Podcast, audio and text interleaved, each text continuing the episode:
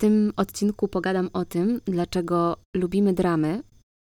I na początek mam do ciebie pytanie: czy zdarzyło ci się kiedyś po burzliwej kłótni, dajmy na to, uprawiać seks na zgodę? A może w ramach odreagowania idziesz pobiegać, jesz, wypijasz drinka albo zapalasz papierosa? Bardzo możliwe, że powtarzalność tego schematu oznacza, że wpadasz w pułapkę i podświadomie sam sama dążysz do dramy. Nazywam się Anna Toboła Pięczak, a to jest podcast Slow Talks, krótkie opowieści pomagające w samopoznaniu i w rozwoju samoświadomości. Zapraszam do rozmowy o emocjonalnych anomaliach. Zacznę od tego, aby wytłumaczyć w możliwie prosty sposób, dlaczego podświadomie dążymy do dramatów i kłótni i dlaczego ten przykładowy seks na zgodę jeszcze bardziej pogłębia ten schemat. W dużym uproszczeniu, ludzie lubią dramy w swoich związkach i w życiu dlatego, że podczas nich wydziela się adrenalina. No i ta adrenalina jest bardzo, ale to bardzo uzależniająca. I teraz wyobraź sobie, że właśnie dostałaś, dostałeś ogromny strzał adrenaliny, właśnie tej, którą twój organizm tak lubi ćpać, a chwilę później zaczynasz uprawiać seks, biegać, jeść czekoladę czy palić papierosa. Te wszystkie czynności, mimo że tak różne, mają część wspólną. Dają wystrzał serotoniny i dopaminy, czyli najprościej mówiąc, dają uczucie szczęścia. W wyniku biegania zwiększa się energia życiowa, jak jesz czekoladę, to być może pojawia się w tobie jakiś zachwyt, wraz z orgazmem przychodzi fala przyjemności i stany euforyczne. Zapalenie papierosa przynosi ulgę, zjedzenie ciastka przynosi ulgę i tak dalej, i tak. No i teraz tak. Utrwalanie schematu wyrzutu tej adrenaliny, a następnie uczucia przyjemności i szczęścia powoduje, że nasz mózg dąży do tego, aby poćpać sobie możliwie jak najwięcej. W związku z tym zaczynają kodować się w naszej głowie powtarzalne wzorce, które mają zwiększać szanse na to ćpanko. No bo kto by nie chciał więcej? I te tytułowe dramy to tylko jeden z przykładów, bo takich zachowań, najpierw aktywujących adrenalinę, a potem strzał serotoniny i dopaminy, jest całkiem sporo. A im częściej korzystamy z tej zdradliwej kombinacji tych trzech magicznych składników, tym potrzebujemy jej większej dawce i intensywności, a w taki właśnie sposób popada się w uzależnienie. No i teraz zadam pytanie do wszechświata, jak w takim wypadku nie popaść w uzależnienie od tych dram? Zacznijmy od tego, że pozbycie się utartych wzorców i zmiana swoich schematów nie jest sprawą tak bardzo oczywistą. No bo nie wystarczy jedynie umówić się, że od teraz już czegoś nie będziemy robić. No bo kaman, ile razy tak się zdarzyło, że na coś się umawiałeś, umawiałaś sam, sama ze sobą, a potem i tak nic się nie zmieniało. No bo w zmianie nawyków chodzi o to, aby ten niewłaściwy nawyk zastąpić jakimś innym nawykiem, który będzie dobrym nawykiem. Nie zrezygnować, a właśnie zastąpić. Dlatego, gdy ktoś rzuca palenie, w pierwszej kolejności warto, aby zastanowił się, z jakiego powodu i w jakich sytuacjach w ogóle sięga po tego papierosa. I na przykład często palacze odpowiadają, że papieros pomaga im się y, uspokoić w trudnej, stresującej sytuacji. Aby zmienić ten nawyk sięgania po papierosa w trudnej, stresowej sytuacji, trzeba odpowiedzieć sobie na pytanie, co innego zrobię, kiedy ta trudna, stresowa sytuacja się wydarzy.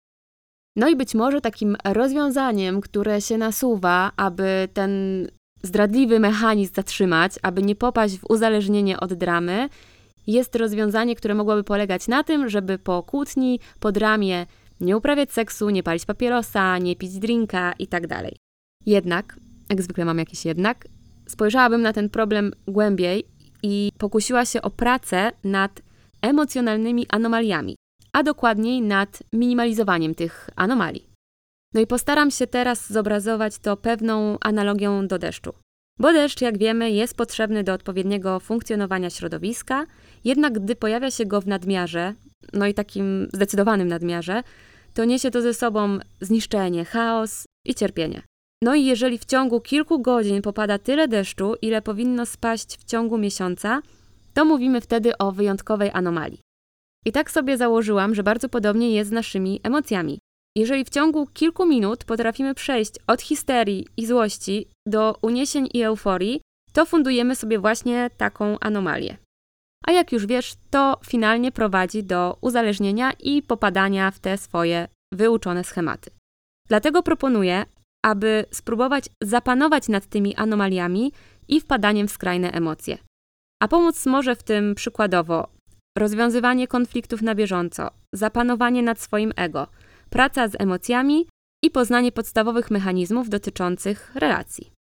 Zacznijmy od rozwiązywania konfliktów na bieżąco, no bo co lepszego może być niż niekumulowanie w sobie złości, pretensji i niedopowiedzeń.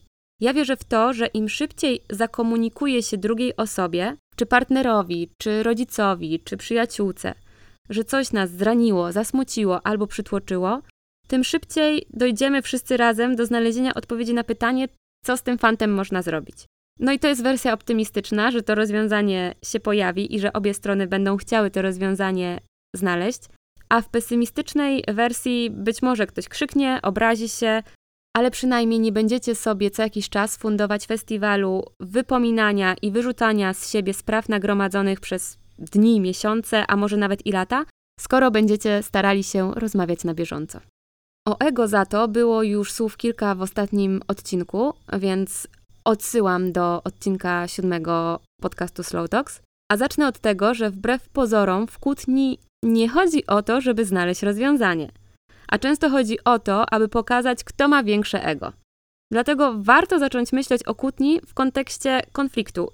I ja wiem, że ze słowem konflikt bardzo często przychodzą nam negatywne skojarzenia, ale konflikt jest czymś dobrym bo celem konfliktu jest doprowadzenie do znalezienia wspólnego rozwiązania i nie jest to kolejny pojedynek kogutów.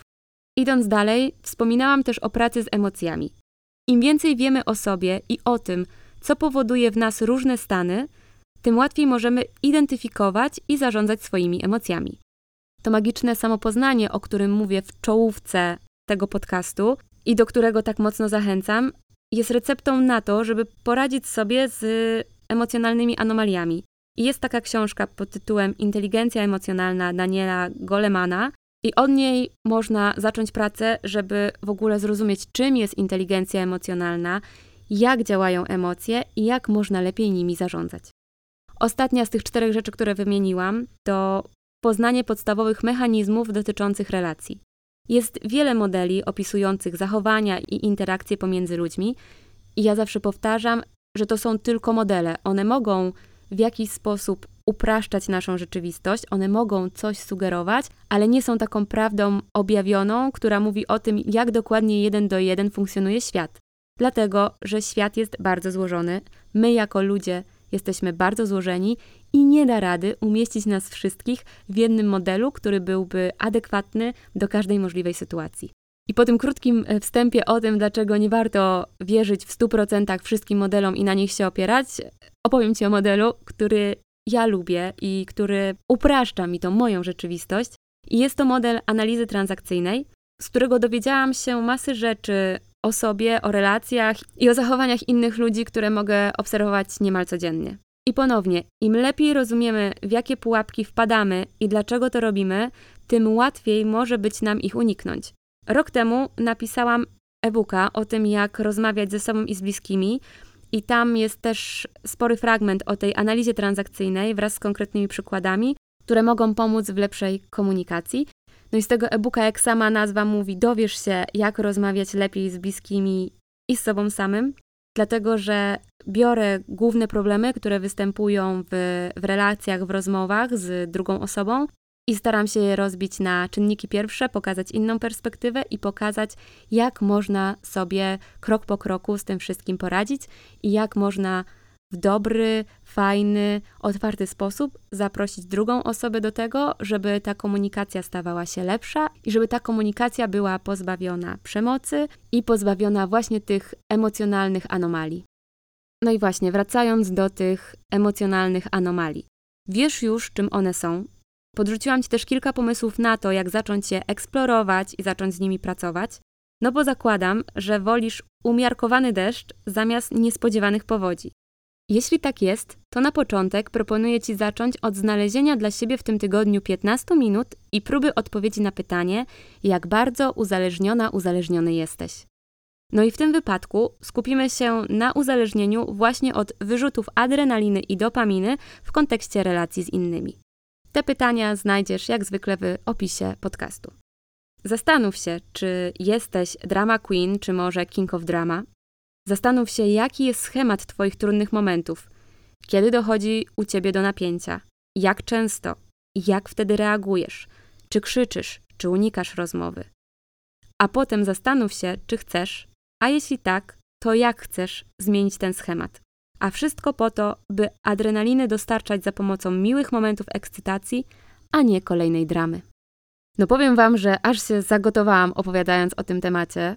Oczywiście można go dalej eksplorować i eksplorować, ale to na razie tyle ode mnie, jeżeli chodzi o ten ósmy odcinek podcastu Slow Talks. Dziękuję, że jesteś ze mną, że słuchasz tych odcinków. I przypominam, że jeżeli w tle słyszysz jakieś dziwne odgłosy, to nic innego jak tylko życie na Bali. Także przesyłam Ci pozdrowienia z mojej balijskiej dżungli i do usłyszenia w kolejnym odcinku. Cześć!